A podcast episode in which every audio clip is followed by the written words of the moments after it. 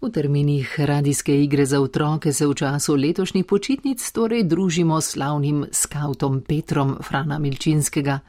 Prejšnjo nedeljo smo spoznali, kaj je taborjenje, v današnjem tretjem delu z naslovom Skautska koristnost pa bomo spoznali eno od plemenitosti tega gibanja.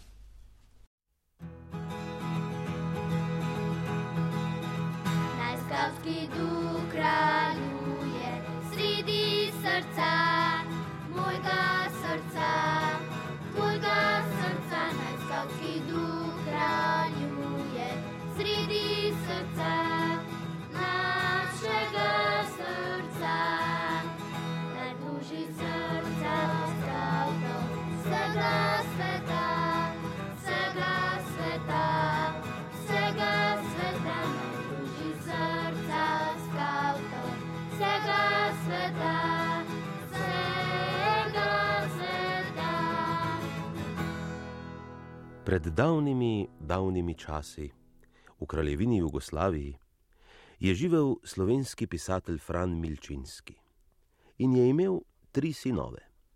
Pa ga je doletelo, da so vsi trije hoteli biti skauti. In biti skaut nima jih na reč, ne za sinove in še manj za starše. Skauti so svoje vrste bratovščina. Nadaleč jih spoznaš po sivih klobukih s širokimi krajovci. Ti krajovci so dobri za sonce, za dež in še za marsikaj. Čim bolj je klobuk zgnjavljen in zamazan, tem bolj je nan ponosen skaut, kajti mu je baš klobuk najvidnejša priča silnega junaštva in nezaslišanih prigod. Zgodilo se je, da je skautu prišel klobuk pod kolo avtobusa. Bila je nedelja in se je v avtobusu peljalo 32 oseb in nedosti manj opic. In je bil potem klobuk komaj še podoben klobuku toda njegova vrednost je takoj poskočila za pet dinarjev med brati. Okrašen je klobuk z raznovrstnim perjem, skautskimi znaki in zobmi divjih zveri. Nekaj izkušenj s tem ima tudi sam avtor, Fran Milčinski. Poznal sem skauta, ki je imel za klobukom pripeto celotno zobovje rajnke stare mame. Podedoval ga je bil in ker ga še ni potreboval za usta, ga je dal za klobuk. To zobovje mu je močno dvignilo ugled. Na njegovi podlagi je dobil gozdni priimek, ki ga je dotedaj pogrešal, in se je priimek glasil: Blago pokojna čeljust. Sicer pa bi lahko tudi moja žena kaj povedala. Poleg klobuka imajo skauti tudi še barvaste srajce in okoli vratu pisan robec, niti niso v obče brez hlač in čevljev. Le poleti, kadar taborijo v šotorih, vrčujejo z obleko, more biti jo dajo ta čas v hranilnico na obresti in hodijo le s klobukom in v kopalnih hlačah. Skauti imajo obilo tajnosti med seboj. Zadnjič sva prišla s fantom domov. Opa, na tleh pred durmi so bile načečkane čačke. Mislil sem, dimnikar se napoveduje za jutri, in sem ogibal, zakaj neki je to pot čečkal po tleh in ne na duri, kakor to veleva starodavni običaj.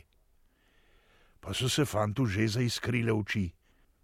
Ogledal si je čačke, poiskal in obral je smer, tri korake je strumno stopil naprej, dva koraka krenil na desno, potem je pričel meriti od tal k višku namiril je dvanajst pedi, pa mu je obstala roka na vratih ob nabiralniku za pisma. Resnično. Notri je bil list, na listu pa je stalo, da ima jutri skautski njegov vod izlet.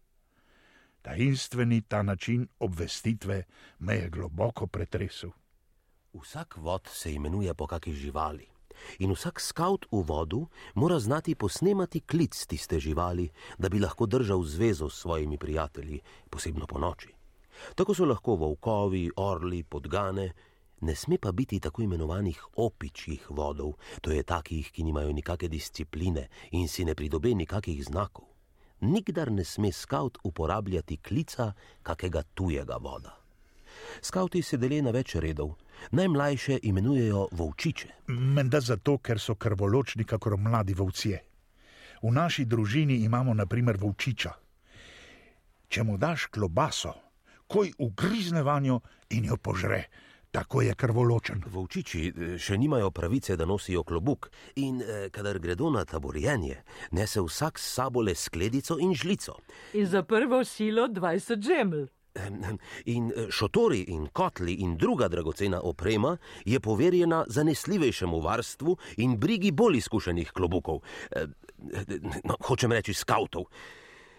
Pa zakaj me vidva motita? Eh, Lord, Lord Baden-Powell, nadaljujte, prosim, vi. Jaz grem spet trikrat okoli radia. Kot utemeljitelju skavtstva naj mi bo dovoljeno, da odločno zavrnem, eh, milo rečeno, še gavo gledanje na to plemenito gibanje. Navedem naj zato nekaj resničnih, vsemu človeštvu koristnih značilnosti te ideje. Naprimer, viteštvo. V starih časih so bili skavti vitezi in mi smo njihovi nasledniki. Čuvati bi morali njihovo dobro ime ter slediti njihovim stopinjam. Smatrali so, da je čuvanje časti njihova najsvetejša zadeva. Nikdar niso zagrešili nečastnega dejanja, naprimer laži ali tatvine. Rajši bi bili umrli, kakor zagrešili tak prestopek. Vedno so bili pripravljeni na boj in na smrt za kralja, vero in čast. Tisoči izmed njih so šli v Palestino, da bi branili krščansko vero proti mohamedanskim Turkom. Ali so obstajali tudi mohamedanski skauti, ki so branili mohamedansko vero pred krščanskimi evropejci? Ja, brez nesramnih pripomb, prosim, prekinjate mi nit, ki vodi v današnje čase. Da slišimo. Vsak vitez je imel majhno spremstvo, prav tako, kako ima naš vodnik svojega namestnika in štiri do pet skavtov. Spremstvo je šlo za vitezom skozi drn in strn, in vse njega člane je oživljala ista misel kot njihovega vodjo. Čast jim je bila namreč sveta. Bili so zvesti Bogu, kralju in državi. Da, da, da, da, da, da, da, da. Zasledil sem tudi v drobni knjižici naših dni nekaj takega. Takole se glasi: Mladec, ko hodiš skupno s četo ali z jato, zavedaj se, da se moraš vedno vesti disciplinirano. Ne delaj in ne poduzemaj ničesar po svoji glavi. Pravijo, tvoja glava, tvoj svet.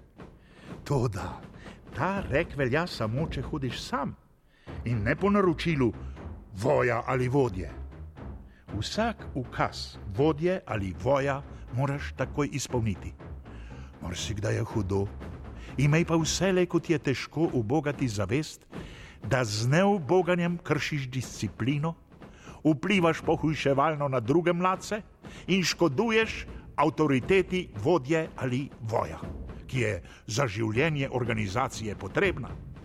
Zavedaj se, da ako ne ubogaš, organizacijo podiraš, z uboganjem pa daješ dober zgled, pospešuješ med mladci veselje in navdušenje in ljubezen do skupnosti in organizacijo gradiš. Tako piše v knjižici. In prečuden občutek imam, da vselej, kadar začnejo takšni ali drugačni skavti korakati s pogledom uprtim samo v svojega voja ali vodjo, da ne vprašajo več, ali lahko nabirajo drače v bližnjem gozdu, kakor smo slišali v prejšnjem nadaljevanju. Ampak začnejo kar brez besed drevesa sekati. Mogoče velja to za vaše kraje, kar pa se moje ideje tiče, je to čisto potikanje. Naša izobrazba ni vojaška. Celo tisto mehanizirajoče vežbanje, ki se uporablja v mnogih deških udruženjih, je omejeno na najpotrebnejše, ker se nagiba k temu, da ubija individualnost. Naš glavni cilj pa vodi k temu, da se razvija individualni značaj. No, to je že bolj simpatično. Da se vrnem, kjer sem bil prekinjen. Zlasti viteško in uljudno so se nekdanji vitezi obnašali do vseh žen in otrok, kakor tudi do bolnikov. Tudi mohamedanski. Da, ah, ah, vsakomur so radi pomagali. Darovali so denar in hrano, kjer je bilo potrebno.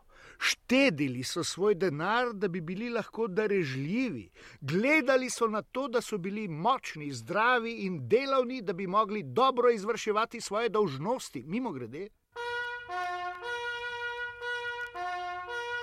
Skaut diha skozi nos in ne skozi usta. Tako ne postane žejen, ne izgubi hitro sape, ne sprejema vase raznovrstnih mikrobov in bolezenskih glivic, ki letajo po zraku, in ne opozarja nase sovražnikov s svojim smrčanjem. Vi, skavti, ne morete napraviti nič boljšega, kakor da sledite zgledu svojih pradedov, vitezov. Ena izmed naših najodličnejših dolžnosti je, da vsak dan komu izkažete kako uslugo. To je tudi eno izmed naših pravil. Aha, aha, zdaj lahko pokličem tudi otroke. To bi jim utegnilo koristiti. Kaj, kaj niso že tukaj? No, čudna dežela. Torej, ko zjutraj ustaneš, se spomni, da moraš med dnevom izkazati komu kako uslugo. Napravi si vozil na ovratnico ali na robec in pusti konec ovratnice, naj ti gleda iz telovnika, da se spomniš na to svojo dolžnost in ko greš v posteljo, se vprašaj, če si uslugo napravil. Ako si kdaj na njo pozabil, napravi za to drugi dan dve uslugi. Pomisli, da si skautsko zaobljubo pri svoji časti to dolžan storiti. Usluga je lahko malenkostna, novčič si vrgel v nabiralno puščico za ubožce, stari ženi si pomagal preko ceste, prostor si komu naredil, staremu konju si dal vode, bananin ulupek si spravil z ceste, da ne bi komu izpodrsnilo, ne puščaj nobene lese odprte, pomagaj starim ljudem vodo črpati ali drva raznašati, pomagaj pri čiščenju cest s tem, da pobiraš koščke papirja, pesek trosi po polodenelih potih, kjer konjem rado drči, vse to so vendar usluge. Ali vsak dan je treba napraviti katero izmed njih, in samo tisto je usluga, kar storiš, ne da bi sprejel kako nagrado. A, da, da, da. Omenil sem vozil na ovratnici. To je primeren trenutek, da opozorim na še eno zelo važno stvar. Vsak scout bi moral znati, kako se vežejo vozli. Napraviti vozel izgleda kot preprosta stvar. Ali to delo se lahko napravi na pravilni ali na nepravilni način. Scout bi moral poznati pravilni način. Zelo često je lahko življenje človeka odvisno od tega, da li je vozel pravilno narejen ali ne. Vozu je pravilno narejen, kadar smo si svesti, da zdrži vsako poskusno obteženje in če ga vendar lahko odvežemo, ako je treba. Slab vozu, ki ga imenujemo babica, je tisti, ki se razplete, ako potegnemo zan, ali ki se tako zategne, da ga ne dobimo več na Poslušal je skaut Peter te besede in si jih je vzel k srcu. In je bilo tako tudi prav, ker je bil Peter zdaj že skaut prvega reda. To pa je resna stvar, ker se dela takšni spit pred vsaj enim usposobljenim, neodvisnim in od skautske zveze priznanim izpraševalcem in se odvija takole. Preplavati sem moral razdaljo 50 metrov, imeti sem moral v hranilnici vsej 100 dinarjev ki so mu jih skrbni oče in ljubeča mati dali. Oddati in sprejeti sem moral sporočilo po semaforju in po morzeju. Aha, v signalne zastavice je šla moja svetlomodra svila. Peš in v čovnu, sam in v spremstvu drugega skavta sem šel deset km daleč tja in nazaj. In ne me prekinjati. Po povratku sem moral o potovanju kratko poročati, opisati ukrepanje pri raznih nezgodah in kako v takem primeru ravnati. Požar, utopljenje, pobeg konja, plin v kanalu, vdor ledu, električni tresk in ranitev. Zadovoljivo sem skuhal na prostem na tabornem ognju ovseni zdrob, slanino in gulaš. Lahko pa bi moral tudi odreti in skuhati kunca, opuliti in skuhati ptiča, napraviti kolači s pol funta moke, ali pa speči presto ovito okrog debele palice. Haha, samostojno sem sekiro podaril manjše drevo. Predstavil sem skauta tretjega reda, ki sem ga v vseh točkah pripravil na ta izpit. To je mojega najmlajšega brata. In potem smo šli na predavanje o silni škodljivosti alkohola. Danes je znano, da alkohol ne pospešuje zdravja, ampak da je največji strup, ako se uživa v obilni meri. Mož, ki je navaden, da pije vsak dan mnogo piva, vina ali žganja, je za skautstvo prav tako malo sposoben, kakor za kaj drugega. Isto velja o možu, ki mnogo kadi. Najboljši vojni skauti ne kade. Dim slabi bistrost vida, slabi tudi voh, ki je zlasti po noči velikega pomena, ogen v pipi in celo von pipe in tobaka, ki je po noči močan, bi utegnila izdati izvidnika čuječim sovražnikom.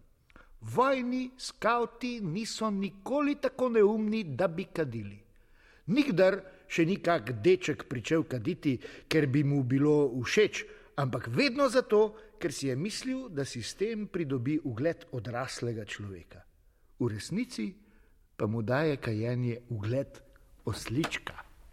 Strmeli so oči. Oh, ste že prišli trikrat okoli radia. Prosim? A ja, ja, ja, sem že nazaj. Ja. Strmeli so torej oča nad temi pametnimi besedami in se čudili, da so že sto let stare, oslov in osličkov pa še vedno ne manjka. In tudi mati se je zauzela in je vsaj za stran alkohola svojemu sinu skautu še sama prebrala poučno historijo. Pijanci so resnično vredni usmiljenja. V historijah se bere o pijancih, ki so bili tako prepojeni žganjem od pete do temena, skozi in skozi, da so se uneli in zgoreli kakor bakla. Stoji na primer v eni, da je bilo lepega pomladnega dne, pa se je pričel vleči po vsej hiši čuden duh. Ta duh je bil smrad in neprijeten, kakor bi se na pokvarjenem špiritu žgale kosti in nohti in lasje in cunje, in je postajal smrad tako gost, da se je kar videl. Zdaj si so se začuli izpod pritličja zamokli glasovi. Prihitela je straža. Dim jim je kazal klet, tam je stanoval žganjar Jerin. Straža je udrla v klet. Kaj so ji uzrle zauzete oči? V kotu kup mesa in cun. Višnjevi plamenčki švigajo iz kupa tu, zdaj tam, to je žganjar Jerin in kup še živi, neizrečno smrdi in še govori, in vmes mu cvrka meso. O, cvrk, cvrk, preklet bodi demon alkohola, rajši pite iz studenca, živi naj absti, cvrk in še. Pa mu je zacvrknila in ugasnila še zadnja beseda.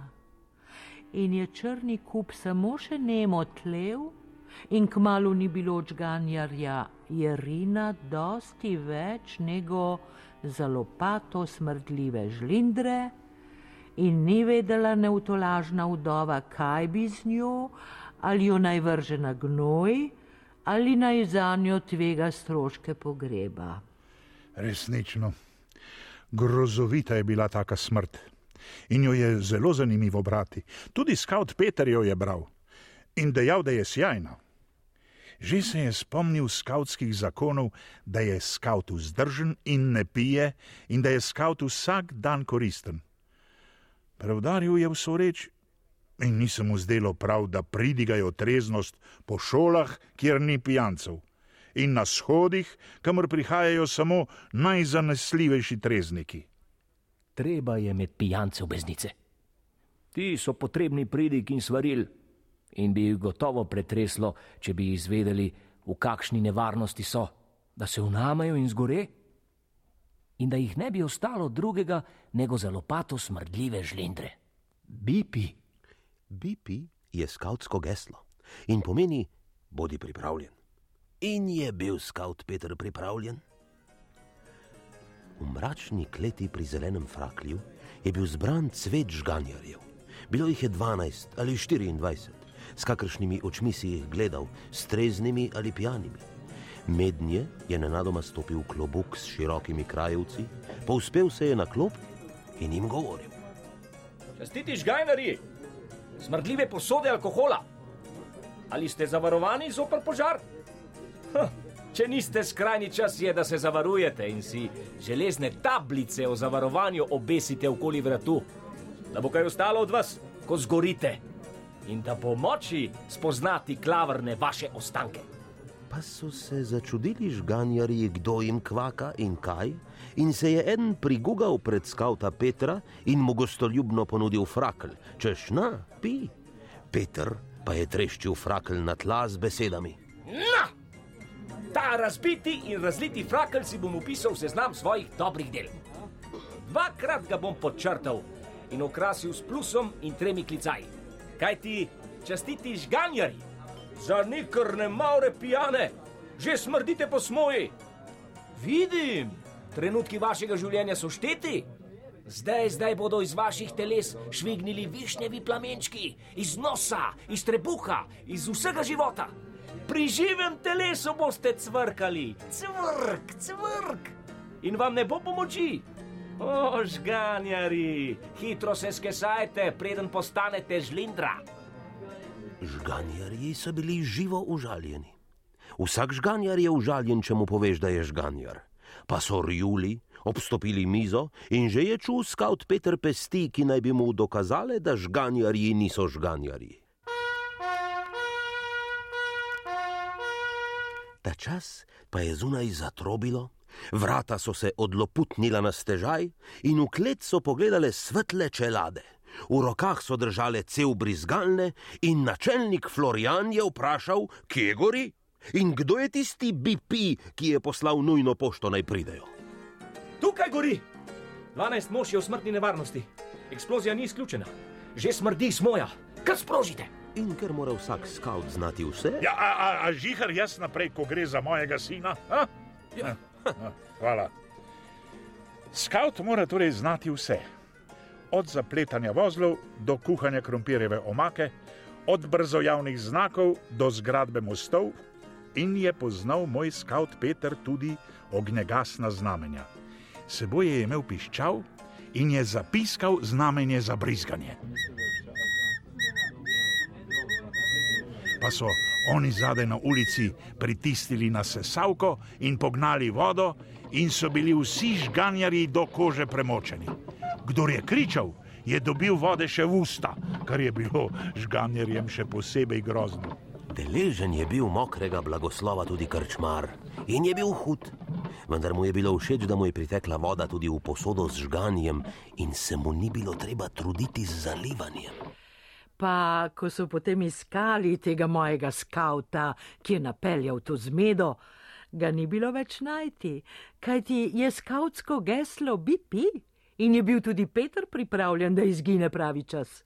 Tako je bil naš najstarejši že uspešen in koristen, srednji se je čudil, najmlajši, eh, tisti, ki je v duhu tudi skaut, pa je molčal. In kaj praviš ti, naš najmlajši, ki si danes že spet samo en stavek povedal?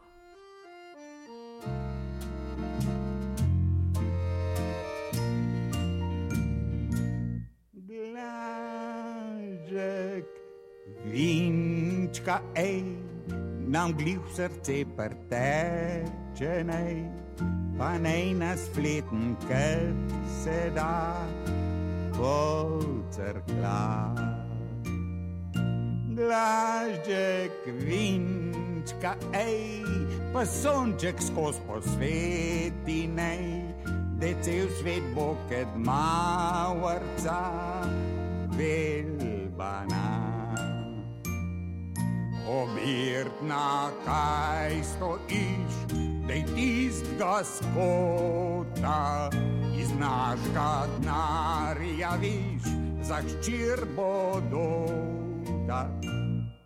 Glažek, Vinčka, ej, pa sonček skozi posvetine, da cel svet bo kad mavrca, belbana.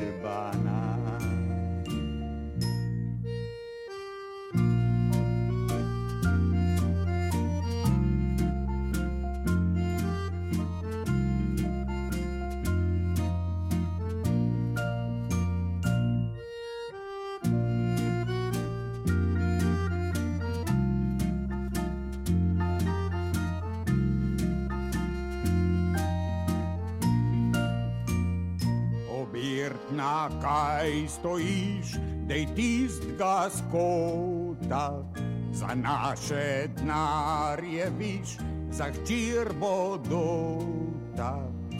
Glažek,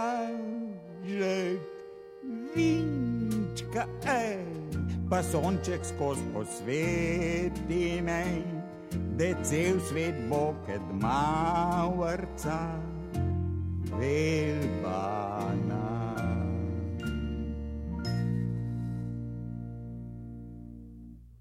To je bilo tretje nadaljevanje skauta Petra Frana Milčinskega. Pripovedovalec sem bil jaz, se pravi Aleš Valič. Lord Baden-Powell je bil Ivo Ban, oče Milčinski je bil Polde Bibič, mati Milčinski je bila Števka Drolc, skaut Peter je bil Zvone Hribar. Mali ježek, ki ima v vsaki epizodi samo en stavek, je bil Juž Milčinski.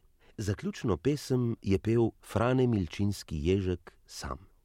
Skautsko-taborniške pesmi so prepevali skauti iz Stega Ljubljana 4.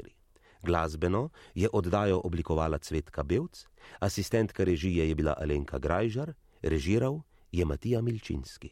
Posneli Staš Janeš, Miro Marinšek in Zmago Frece v studijih Radia Slovenija v aprilu 1996. In še to, igra bo mesec dni dostopna na zahtevo na spletni strani prvega. Sicer pa razširjene in didaktične vsebine najdete tudi na novem živžav portalu RTV Slovenija na spletnem naslovu zivvezajzav.rtvslo.si in pod strani radijska igra za otroke. Morebitna vprašanja pa pošljite na rio.afna.rtvslo.si. Znova vabljeni v svet radijske igre za otroke prihodnjo nedeljo, ko bo na sporedu četrti del serije Scout Peter z naslovom Skautski zakoni.